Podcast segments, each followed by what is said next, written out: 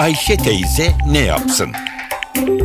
Güngör Oras, Ayşe teyzeye ekonomide olan biteni anlatıyor. Merhaba sayın dinleyenler, merhaba Ayşe Hanım teyze, merhaba Ali Rıza Bey amca. Dolar fiyatının yükselmesi döviz borcu olanları üzüyor. Tüketicilerimiz daha önce ev alırken, ihtiyaç kredileri kullanırken döviz kredisi kullanıyorlardı. Ama onlar daha önceki yıllarda döviz fiyatlarındaki oynamadan zarar görünce artık döviz kredisi kullanmaktan vazgeçtiler. Şimdilerde tüketicilerimiz değil de daha çok üreticilerimiz, yatırımcılarımız döviz kredisi kullanıyorlar. Bunların döviz kredilerinde kullanmalarında biz reel sektörün döviz borcu rakamlarından izliyoruz.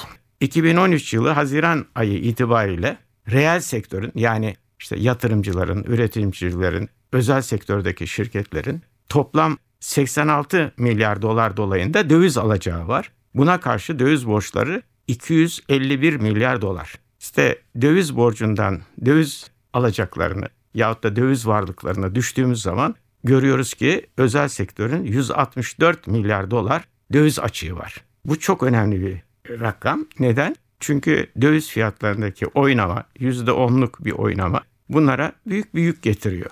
Şimdi acaba bu özel sektörümüzün, reel sektörün döviz açığı, döviz borcu nereden oluşmuş? Kimlerden borç almışlar? Buna bakıyoruz. Özel sektörümüzün döviz borcunun 141 milyar dolarlık bölümü yurt içinden kullanılan kredilerden oluşan bir borç. Tekrar ediyorum rakamı 251 milyar dolarlık bir döviz borcu vardı ya. Bunun 141 milyar dolarlık kısmı yurt içindeki krediler kullanımından ortaya çıkmış. Sadece 80 milyar dolarlık bölümü yurt dışında kullanılan kredilerden kaynaklanıyor.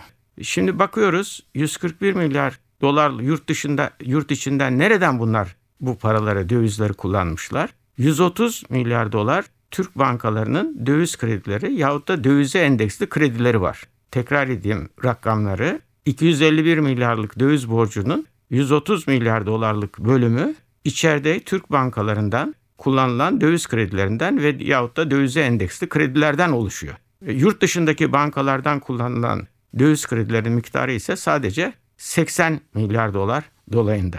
Demek ki bizim döviz fiyatındaki yükselme hem doğrudan doğruya reel sektörü, özel sektörü, yatırımcıları, üreticileri ilgilendiriyor ama dolaylı olarak da Türkiye'deki banka kesimini ilgilendiriyor. Çünkü Türk bankaları bu kredileri yurt dışından başka kaynaklardan borçlanarak yahut da müşterilerinden yurt dışından borçlanarak buluyorlar. Demek ki hem reel sektör bu kredileri bankalara ödeyecek, bankalar da bu reel sektörden aldığı dövizlerle bu dövizlerin kullandığı kimselere yani döviz kredisi aldığı yurt dışındaki müesseselere yahut da içeride döviz mevduat hesabı açanlara döviz borçlarını ödeyecek. Onun için biz başka ülkelerdeki gibi döviz fiyatları yükseliyor, ihracatımızın rekabet gücü artıyor diye sadece sevinemiyoruz. Bu tür yükümlülükleri de düşünmek zorunda kalıyoruz.